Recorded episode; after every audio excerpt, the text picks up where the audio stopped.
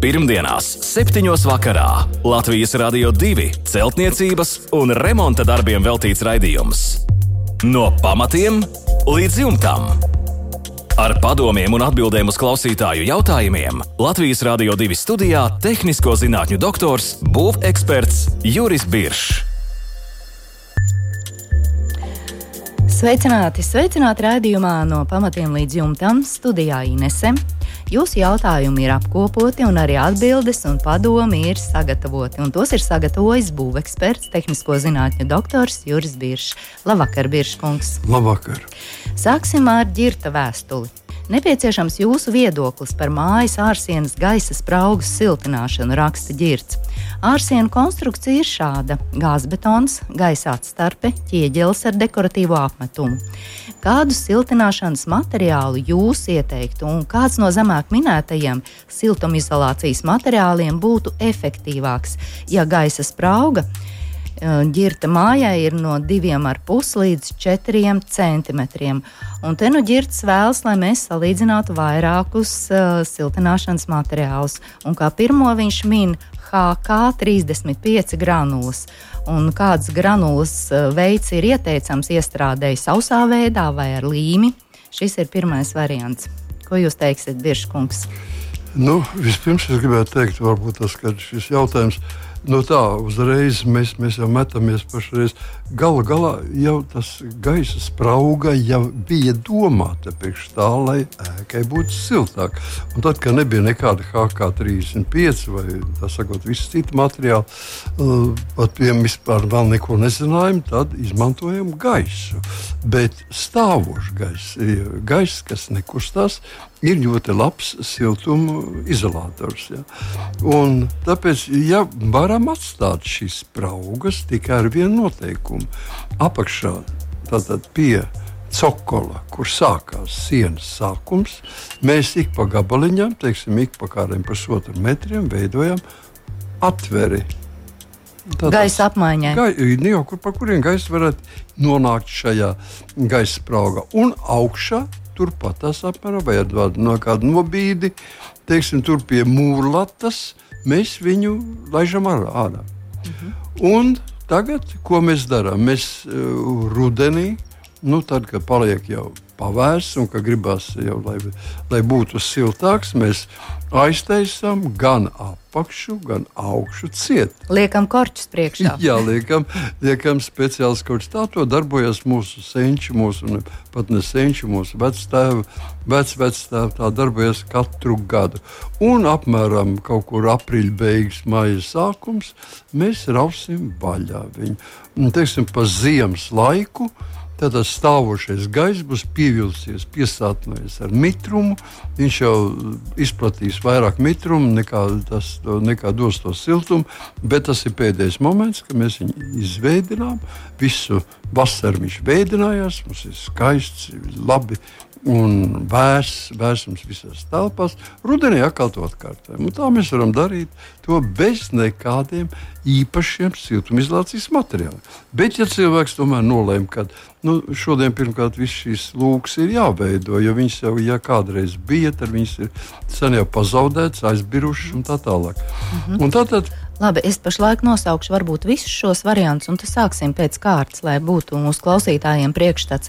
Tātad ģirts mums ir um, ierosinājis šādus siltināšanas veidus, HK35 granulas, tad termogranulas, arī termoputas un arī ekovati. Lūk, šādi četri varianti. Jā, nu, nu teiksim, tas pirmais variants kā, kā 35 vai arī Rīga Pierpēle 035. Ja tas jau tas praktiski ir no ārzemēm ievests, jau zināms, vieglas vieglas eh, putekļu lodītes, kuras ir apvīļātas, vienkārši apstrādātas ar grafītu, lai viņš eh, būtu tumšā krāsā. Viņš ir ārkārtīgi viegls, ja mēs nejauši pietuvinām pie mūsu pie deguna, mēs varam dabūt pilnu mūsu elpošanas traktu ar viņiem. Tāda ļoti viegls un ārkārtīgi efektīvs. Ja. Un, uh, un tāpēc, lai saglabātu viņām ilgu izturību un lai viņām būtu pēc iespējas lielāka izturība pret karstumu, tāpēc viņas ar grafitas vai arī iztaisītas melnas ir. Nu, tātad, kur mēs viņus liekam? Tur, kur ir šī sprauga. Līdz apmēram 3 centimetriem. No 0 līdz 3 centimetriem. Tad tur mēs, mums nekā labāka par viņām nebūs. Ja? Jā, ģirtam nedara līdz 4 centimetriem. Nu, nē, nu, der arī līdz 15 centimetriem, bet tas ir, ir ļoti dārgs. Ja? Nu, jā. Tāpēc Izmaksas. mums ir jāsaprot to, jo, jo būs lielāka sprauga, mēs varam aizvietot ar efektīvāku, tas ir racionālāku materiālu, ar ne tik varbūt augstu līmeņu teiksim, siltumizolācijas jautājumos, bet, bet teiksim, finansiālā ziņā pieņemama. Tālāk ir termogranulas. Un, praktiski, godīgi sakot, tas ir tas pats pirmais. Jā. Tas ir tikai uz vietas ražots pakaļdarinājums. Ja? Tātad varbūt dažiem izveidojas labāks, dažiem varbūt sliktāks. Viņš ir variants, e, neapspriedīsim. Es, es domāju, ka tas ir praktiski viens pret vienu. Vienkārši, vienkārši mūsu reklāma viņu tā sakot. Nu, uztur, un tā tam arī jābūt. Vietējais produkts, aizvietosim importu ar vietējo. Un trešais, trešais ir termoputas. Nekādā gadījumā es to neieteiktu. Es ieteiktu viņu kā pēdējo iespējamo līdzekli. Teiksim, jo viņam arī ir šīs iespējas, ka jūs varat no nulles līdz, līdz uh, vienam, diviem centimetriem piedzīt, piedzīt pilnu piepūstu ar šo materiālu. Bet viņš nav tik labs kā mēs sakām, nav elpojušs materiāls, viņš nav tik labs. Nu, teiksim, gāzes un gaisa, ūdens, vajag caurlaidīgs materiāls. Nav viņš. Tas nozīmē, ka mēs radām ūdens tvaikiem necaurlaidīgu vai maz caurlaidīgu slāni. Līdz ar to tas rada iekšā telpām lieku mitrumu un diskomfortu. Zinām. Un tajā pašā reizē šis materiāls ir fantastiski degošs. Ja?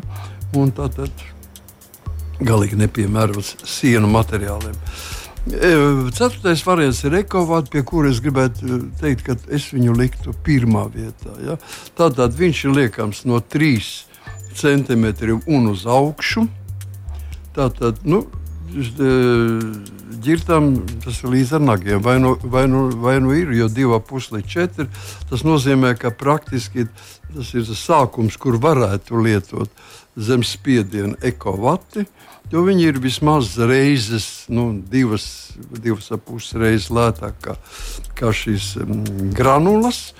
Un viņas ir absolūti koku materiāls. Jā, tātad absolūti nekaitīgs. Un teiksim, arī, arī gruzdošs materiāls, bet nevis degošs materiāls.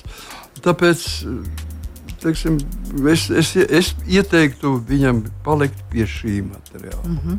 Jā. Tā tad ekovate. Jā, e, galvenais, kas ir noteikums, ir viens. E, aiztaisīt tāpatās un atstāt gaisu nedrīkstam. To mums aizliedz pat Latvijas būvnormatīvs no 0,21. Bet tātad mums jāizpilda šīs visi tukšumi ar kuri nav ventilējami, jāizpild ar siltumizolācijas materiālu. Tas ir likums. Jā, paldies par atbildi ģirtam. Savukārt Līgai ir jautājums par plānslāņu atstarojošo izolāciju, kas sastāv no vairākiem alumīnija folijas slāņiem un ietver savos iekšējos slāņos sausu gaisu. Nu, pārdevējs, protams, dzied slavas dziesmas šim siltinājuma materiālam, raksta Līga. Atsauksmes par šo materiālu, kas apstiprinātu izplatītāju sacīto, atrast nevar. Un jautājums ir šāds: vai ir vērts apsvērt domu par šī materiāla izmantošanu jumtu, mūsu gadījumā tērauda dakstiņu profilu jumta siltināšanai, vai tomēr izmantot ekovates siltinājumu, ko plānojām izmantot jau no paša būvniecības procesa sākuma? Jā, jautājums ļoti interesants. Vispār brīnišķīgi jautājumi gadījušies šogad. Tādi, par kuriem gan vienīgais nelāgi ir tas, ka man ļoti maz laika ir par viņiem stāstīt. Katru no viņiem varētu veselu lekciju lasīt. Tātad tie ir tie saucamie slavenie otrās grupas tā saucamie reflektīvie siltumizolācijas materiāli, kas ir ļoti plāni. Ja? Tātad ļoti plāniņi. Un uh, vācieši viņus izgudroja kaut kur apmēram 1900. pagājušā gadsimta 1930. gadiem, teiksim, jo radās problēma ele, vienkārši vilcienu vagonu siltināšana. Mēs nevaram taisīt vilcienu vagonus ar 10, 20, 30 centimetru biezumu. Mēs nevaram taisīt vieglās automašīnas ar, ar 30 nu, jā, nopakot, jā. Jā. Mēs nevaram taisīt lidmašīnas, mēs nevaram kuģus taisīt ar speciāliem šādiem. Un visur stāties priekš lidmašīna lido augšā, tur ir savu mīnus 50, mīnus 60 grādu.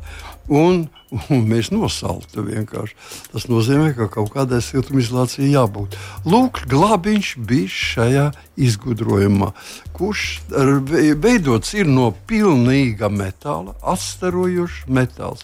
Plāns, tāpēc, ka negribam bieza. Ja? Tātad plāns, tas gala galā varētu būt alumīnijas, duralumīnijas, sudrabs un, un tā tālāk. Šādi spīdīgi, ļoti labi elektrovadāmi, bet tajā pašā skaitā brīnišķīgi atstarojuši materiāli. Un, teiksim, es jums tagad varu nosaukt, kāds būtu ideāls, ideāls um, reflektīvais materiāls. Tas būtu, ja mēs ņemam uh, sešas plāksnes, ja, sešas plāksnes ņemam, un uh, plānas folijas. Un starp viņām, un viss kopā, uh, starp viņām gaisa spraudziņi. Viss kopā būtu 6 mm. 6 mm vispār tas teiksim, ir tas mūsu uh, ruļveida materiāls, ko var salocīt, un, seši, un, un sešas kārtas ar, ar metālu.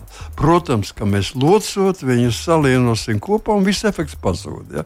Tāpēc ir ar klāt arī ielikts iekšā ir šie eh, teiksim, nu, mikroporiņš, ļoti plāns, kas izolē vienu slānīti no otras. Ja? Un tāpēc iegūst ļoti labus rezultātus. Praktiski Es nepiekrītu Līgai, viņa slikti ir meklējusi. Tātad, lai pameklē eh, dzīvo, eh, žurnāls Māja dzīvoklis 2003. un 2002. gads. Šajos divu, divu gadu salikumos var pameklēt, ir vairāki raksti, manas pašu veidoti raksti par reflektīvas siltumizolācijas materiāliem un pat, pat aprēķins, kā viņus var aprēķināt, ja, teiksim, lai mēs varētu izveidot. Visa nelaime ir tāda, ka teorētiski iznāk, ka apmēram, teorētiski iznāk tā, ka apmēram 5 centimetri biezs šis reflektīvais siltumizolācijas materiāls var konkurēt ar 20 cm akmens vati. Nu, tā gluži nav. Tāpēc praktiski nu, šie uh, aprēķina metodas ne, nedaudz mainās, un mēs ar vienu tuvojamies, tuvojamies tam īstam ciparam. Tik uh, milzīgs efekts nebūs, bet jebkurā gadījumā šis uh, materiāls ir ārkārtīgi vērtīgs pie plānām siltumizolācijas kārtām. Nu, piemēram, mums ir Rīgā ir bēniņu stāvs, kas nekad agrāk netika apdzīvots, jo uz bēniņa neviens nedzīvoja. Ja tas bija, un tā arī cēla. Un tagad mums pēkšņi ir. Nu, jā, mansarda izbūvē. Mansarda, Dievs, brīnišķīgi skaists būvs. Un, un tagad mēs skatāmies, ka jumtā ir spāres, kuras ir ir tikai 12 centimetri platas. Ja, tas, tas ir biezumā. Tas nozīmē, ka, ka mums, nu, mēs varam tikai 12 centimetru akmens vati ielikt. Tas ir par maz. Tā ir pusi par maz. Kā tam mums tagad siltināt vai celt jumtu gaisā, to mēs nedrīkstam. Ja? Un tāpēc šeit iziet laukā, liekam 5 cm akmens vati un liekam šojam klāt šo ruļveida materiālu. Mm -hmm gaisa starpiņu vēl starpā, un piešķirojam viņu ar skavotāju klāt pie, pie, teiksim, pie šiem mm, spārēm un, un iegūstam brīnišķīgas kombinācijas, kur, ar kura palīdzību, ar aprēķinu, diezgan, nu, diezgan sarežģītu aprēķinu palīdzību, var pareiķināt, cik tā nu mums tur īstenībā vajag. Un, tā reāli reāli runājot, nu, kā mēs varētu teikt, Nesen, ne, ne, nepārs, ir, ir šie reflektīvie siltumizolācijas materiāli ar pārpa 30 slānīšiem, ja, kuri visi kopumā dod tikai pusotru centimetru. Tāds it kā ruļveida materiāls, mīksts, ja, tā kā tāds kā, kā sega. Bet sastāvoši no pārpa 30. Nu, uz vienkāršākie, kas sastāv no 11, 15. Tad ar, ar dažādiem. E, es zinu, ka uh, agrāk e, viņi bija nu, kaut kur ap 2000. gada Latvijā ieveda franču firmas Triso. Reflektīvas, es tagad pat, ja, ja Līga saka, ir pārdevēja, kas pārdodas, atkal ir parādījies. Jebkurā gadījumā nevajag ticēt, ka var ar vienu slānīti šādu var aizvietot ļoti biezu siltumizolācijas materiālus. Tas ir izrunāts, tas aprēķins to nepierāda. Bet kā kombinācija, teiksim, 10 centimetri vati Eh, centimetrus gaiss, un šīs slāņi ir teiksim, 11 mm, slāņains, slāņainais reflektīvais siltumizolācijas materiāls. Kopā dos 20 centimetru vatas mhm. vietu. Ja? Tā kā šeit ir iespējas kombinēt un kombinēt, izmantot. Nevajag tikai pār daudz aizrauties un domāt, ka tas tā. Jo šeit ir svarīgi arī tas, kā, jo šeit būs svarīgi arī kā jūs to to paklāju virziet. Kāds ir, teiksim, jo tur iekšā starp tām slānīšiem ir ieslēgts hermetisks gaiss. Viņš ir ieslēgts un nekustīgs. Ja? Un tad ir ļoti svarīgi, vai viņš ir horizontāli, vai viņš ir vertikāli, vai viņš ir zem, zem leņķa kāda. Ja? Jā. Tur nu, diezgan pasažģīti priekš rasējumiem, bet materiāls ir lielisks. -hmm. Jā, paldies, Biržkungs, par atbildi līgai. Nākamā mums ir ginta vēstule. Paneļu māja 9. stāvā tika demontēta vecā grīda, kuras sastāvēja no 4 cm koka lāgām un 2 cm skaidu plates. Kopējais grīdas biezums no aptuveni 8 cm. Kādi būtu jaunās grīdas risinājumi? Jautā Gins. Domāju atjaunot to pēc vecā parauga, tikai piepildot starp jaunajām koka lāgām akmens vati. Un vai ir nepieciešama arī tvaika barjeras plēve? Mm, grīdas virskārta ir paredzēta lamināts. Jā, nu, šeit mazliet gins, sakot, mēs papildināsim viņa zināšanas būvfizikā. Pirmkārt, devītais stāvs, tas nozīmē, ka apakšā jums ir vēl astoņi stāvi, kur ražo siltumu. Ražo siltumu un dod uz augšu. Un es domāju, ka neviens no šiem iedzīvotājiem, kas dzīvo šajos stāvos, starpstāvos, ne, ja kāds uzliks plēvi kādu, nu, tad tas nozīmē, ka viņš negrib, lai viņam šis siltums no apakšas pienāk. Nu, nu, jums ir jādomā par, ja tā ir 9, 9. stāva, jādomā par to, lai siltums neizietu bēniņos vai uz jumta ārā. Tur ir jāliek jāapstādina šis siltums. Bet no apakšas tas ir grīdē, nekādas plēves nav jāliek. Ja. Mm -hmm. Mums ir pozitīva temperatūra gan apakšā, gan augšā. Vienīgi, ja jums zem astotajā stāvā zem jums cilvēks ir attaisījis logus vaļā un visu ziemu turēs logu vaļā, tad var parādīties zemāka temperatūra, un tad vajadzētu tā, to plēšu. Šodien par to mēs nerunājam. Uh mhm. -huh. Tas ir pirmā kārta. Otrām kārtām es domāju, ka kad vajadzētu mūsu laikos attiekt no šiem jautājumiem par koka izmantošanu, grīda, lagas un, un dažādas plātnes. Ne, mums varētu aizvietot viņu vienkārši, mēs uz, jo par cik apakšā ir noteikti betona paneļi, dobtie paneļi vai monolīts dzelzbetona klājums. Uz viņa liekam virsū um, putu polistirola vai putu poliuretāna trīs līdz pieci maksimums. Nekādā gadījumā vairāk šādu materiālu liekam virsū un uz viņa vienā kārtā, divās kārtās, trijās kārtās plātņu veida materiāls. Tātad noslēdzošais materiāls būs lamināts. Pa starp varētu būt mitrumistrīgais riģips un grīdas riģips. Noslēgumā lamināts ar izēju, tātad 2 cm no sienām nost. Un smuka grīdas līstīt. lielisks materiāls, kas iztur jebkādas slodzes. Un ne, neradīsies aizdomas par to, ka varētu grauzēji, kukaiņi iemesties. Kas radīsies pie koka? Jā. Un kas radīsies, kas var, var rasties. Tā neteiksim, ka uzreiz, bet risks ir. Nu, re, viss izrādījās stipri vienkāršāk un labāk. Jā. Lai Gintam viss izdodas. Pirmdienās, 7. vakarā Latvijas Rādio 2 celtniecības un remonta darbiem veltīts raidījums. No pamatiem līdz jumtam. Ar padomiem un atbildēm uz klausītāju jautājumiem Latvijas Rādio 2 studijā - tehnisko zinātņu doktors, būveksperts Juris Biršs. Un turpinām ar Solveigas rakstīto vēstuli. Aplūst māja, jau 30 gadus raksta Solveiga, nolēma rīkoties, kā jūs iesakāt raidījumos. Atraku vienu sienu un atradu avotu 50 cm no pamatiem. Vienā vietā tas ir. Vai varu likt drenāžu un izolēt sienu, ja ir šāda problēma? Es teiktu, es varu apsveikt Solveigu ar to, ka viņi vispār ir atradusi. Tas jau ir uh, tiešām unikāli, ja var atrast. Parasti to lietu es atceros, kad, ka man bija tāda līdzīga situācija, bet tikai neaplūda, bet viņa rada, sāka pēkšņi sist telpā.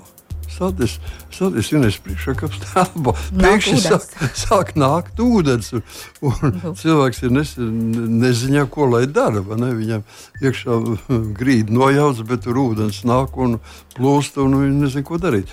Un tajā, tajā gadījumā tur bija daudz strīdu un visādas ieteikums no hidrotehniskiem būvētājiem un tā tālāk. Un es nejauši blakus biju ar, ar un es pienāca apskatījos to problēmu. Nu, man tur liela teikšana par tiem avotiem nav. Bet es vienkārši iebāzu roku iekšā tajā avotā un jūtu, ka viņš sit no vienas puses. Es viņam saku, šajā pusē aiz loga rokiet šķērsām grāvi. Nu, cilvēki izraka, ka jau izmisuma stāvoklī nezinu, ko darīt, un uzgājuši. Nu, tāpat tas, jā. Tā kā, tāpat kā Solveiga. Nu, tā kā Solveiga, Solveigai ļoti noveicies. Protams, Solveiga, jums ir, jums ir steidzami jāiedzen viņa kādā trubā vai drenāžā un jānovada nost uz to pusīt, kur labāk plūst, un mājas pusi ir kārtīgi jānoizolē. Tas ir pilnīgi pareizi. Ar pumpaino membrānu.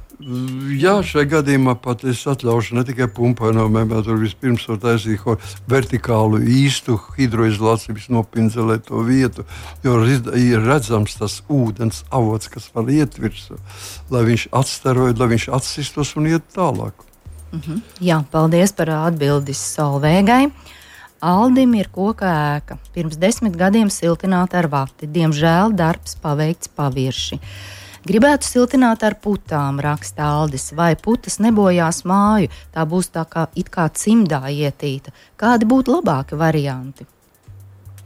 Jā, nu, šeit man tiemžēl ir Aldis jā, jāsarūktina un jāsaka, izvēlēt. Viņa izvēle, izvēle ir nepieļaujama, vienkārši nepieļaujama. Ja mēs ietīsim koka ēku ar putām, viņa sapūs. Pie tam tas ātrums ir sen jau izmērīts, un, un visi, kas neticīgi meža parkā savus koku mājas aplika ar, ar, ar, ar mm, putu polistirolu un apūta ar putu poliuretānu putām, viņi visi ir apmēram trīs gadus turējās. Pēc tam viss sāk masveidā sadalīties. Ja? Tāda sausā un mitrā trupe nobeidz. Tāda nekādā gadījumā, ne. ja mums ir darbs ir veikts ir nepareizi vai teiksim, pavirši, tad mēs varam to pārstrādāt. Pie tam vēl Tas ir maz tik briesmīgi grūti. Nav. Jums ir desmit gadiem, pirms desmit gadiem siltināta ar vātu. Tad, tad virsū ir apdars slānis. Sadalām šo māju ik pa vienu.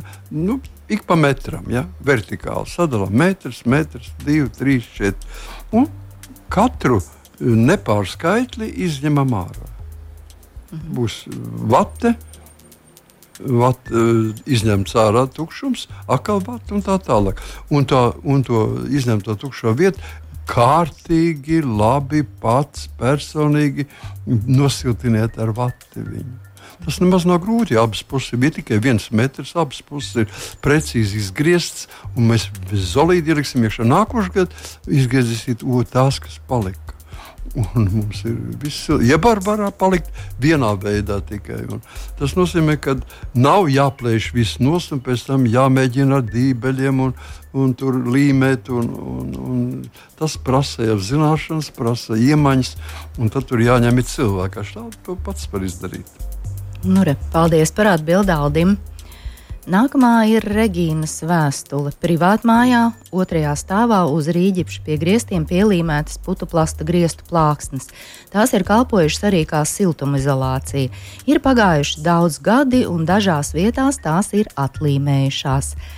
Vai var likt apmetumu, ja visas plāksnes pieskavotu, un kā to būtu labāk paveikt?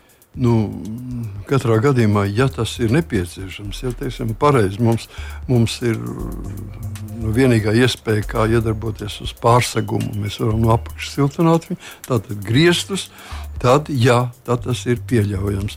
Un ne tikai pieskavot, mums vēl būs jāpieskavo pie pieskavotām plāksnēm, kas jau ir piestiprinātas un nostiprinātas. Mēs vēl piešausim klāt arī tīkliņu. Un tad ir nāks šī iespēja ar apmetumu. Bet nu, es brīdinu Regīnu, ka griestus apmest var tikai profesionāls apmetējs. Tur pašam nav ko ķerties klāt. Un uh, tas ir, tas ir, tā ir augsta klase, un to dara cilvēki mm. ātri un kvalitatīvi, jo viņi vienkārši nekvalitatīvi to nemāk izdarīt bet tas ir grūti. Ja, ja mums ir šāda nelīdzena virsma un jādabūna gala rezultāts, nevis apšūts, bet jādabūna ir gluds, gluds apmetums, tad jāņem noteikti ir profesionāls. Mm, apmetēs. Jā, paldies par atbildi. Un noslēgumā vēl kas par vēstuli. Gatavojos no iekšpuses siltināt gāzbetonu bloku ēku ar jau iegādātām 50 mm biezām kokšķiedru plāksnēm. Ar putu līmi un nēlonu fasādes dībeļiem piestiprināšu plāksnes pie sienas. Vai fasādes dībeļi der? Tas ir pirmais jautājums. Plāksnes gruntēšu ar dziļo grunti. Vai der jebkāda grunts? Šis ir otrais jautājums. Un stiegrošu ar līmjavu, kurā iestrādāšu stikla ķiedras fasādes sietu. Mm -hmm. Un tad beigās finišs un superfinišs, un tiks viss nokrāsots. Jā. Tātad sāksim, vai fasādes dībeļi der. Jā, nu, darbam. Pirmā, varbūt tas pašā sākumā es mazliet. Nu, tas ir labi, ka eh, Kaspars izvēlējies ļoti dārgu 50 mm biezu kūšķiedru. Es saprotu, mīkstās kūšķiedru plātnes, tas ir brīnišķīgs materiāls.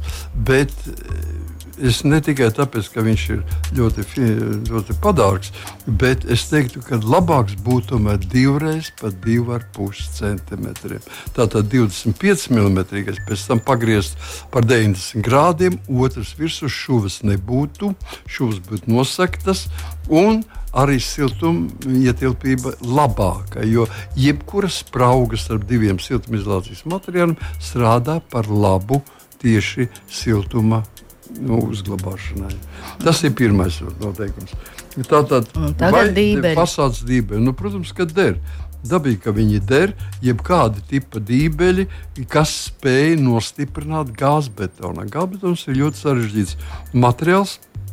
Viņš ir trausls, viņš nav konstruktīvs materiāls, un tātad viņa, viņa stiprina ar īpašiem, no nu, šai gadījumā fasādes dībeļi, bet kuri ir paredzēti stiprināt tieši gāzbetonā. Ja. Mm -hmm. Tātad viņai tādu lielu, lielu vītni, ja, tādi pamatīgi, pamatīgi lieli, jā, tādi der. Un plāksnes eh, Kaspars gruntēs ar dziļo grunti un jautā, vai der jebkāda grunts. Nu, es teiktu tā, ka plāksnes īpaši gruntēt nevajadzētu, ja? un sevišķi vēl dziļā grunts. Nu, kas nozīmē dziļam, dziļum grunts? Tas ir parasti mēs liekam tādām materiāliem, kuri ir mitrumu uzsūcoši, lai neuzsūktu ūdeni un, un, un, un, un tādad es ieteiktu, ka šajā gadījumā vienkārši ir fasādes, speciāli fasādes gruntis, kas tik dziļi neieiet, neiepliešas. Jo mums jau jāsaglabājas šī koksnes čaganā teiksim, struktūra, lai viņi būtu siltuma siltum izturīgi un siltum, nu, tas sakot, izolācijas, labs siltumizolācijas spējas būt. Ja mēs liksim pārmērīgi daudz ar, ar dziļumu gruntiem, viņš paliks cietāks un līdz ar to labāk vadīs siltumu. Mm -hmm. Un noslēgumā stiegros ar baklīmjavu, kurā iestrādās stikla šķiedras fasādes sietu. Vai tā tas Jā. viss ir iespējams? Nu, tas, ir apdares, tas ir apdares, javas apmetumi vai javas pastveida apmetumi, kuros ir tieši, jā, tiešām tas ir ļoti labi. Mēs varam, kaut gan es domāju, ka obligāts tas nav. Mēs, ja mēs skavojam ar skavotāju, tas ir ātrāk izdarāms, ka mēs stikla šķiedras vai džutas audumas šķiedu vai stikla šķiedas. Mm, pies, pieskavojam pie, pie šī materiāla. Nu, nu es saprotu, ja, ja ir ļoti nelīdzens, kaut gan es domāju, ka šīs plāksnes ir ļoti līdzenas. Nu, tur jau gan izvēlēties, varētu teikt, ka varētu uzreiz likt virsū jau finišu, un tad to superfinišu. Mm -hmm. Vai iztikt bez tā baka, tas nav īpaši Nu, ja ir nelīdzens, tā ir cita lieta. Jā, paldies par atbildi Kasparam, un paldies Biškungs šovakar par darbu. Un līdz ar to šovakar mūsu raidījums ir izskanējis. Atgādināšu tikai vēl e-pasta adresi remonds at lr2.lv. Jautājumus, protams, varat iesūtīt arī caur mūsu Latvijas Radio 2 mājaslapu, un esam arī populārākajās podkāstu straumēšanas vietnēs. Lai jums mierīgs, patīkams vakars, tiekamies pēc nedēļas nedēļas. Visu labu! Pirmdienās, 7. vakarā Latvijas Rādio 2 celtniecības un remonta darbiem veltīts raidījums. No pamatiem līdz jumtam. Ar padomiem un atbildēm uz klausītāju jautājumiem Latvijas Rādio 2 studijā - tehnisko zinātņu doktors, būveksperts Juris Biršs.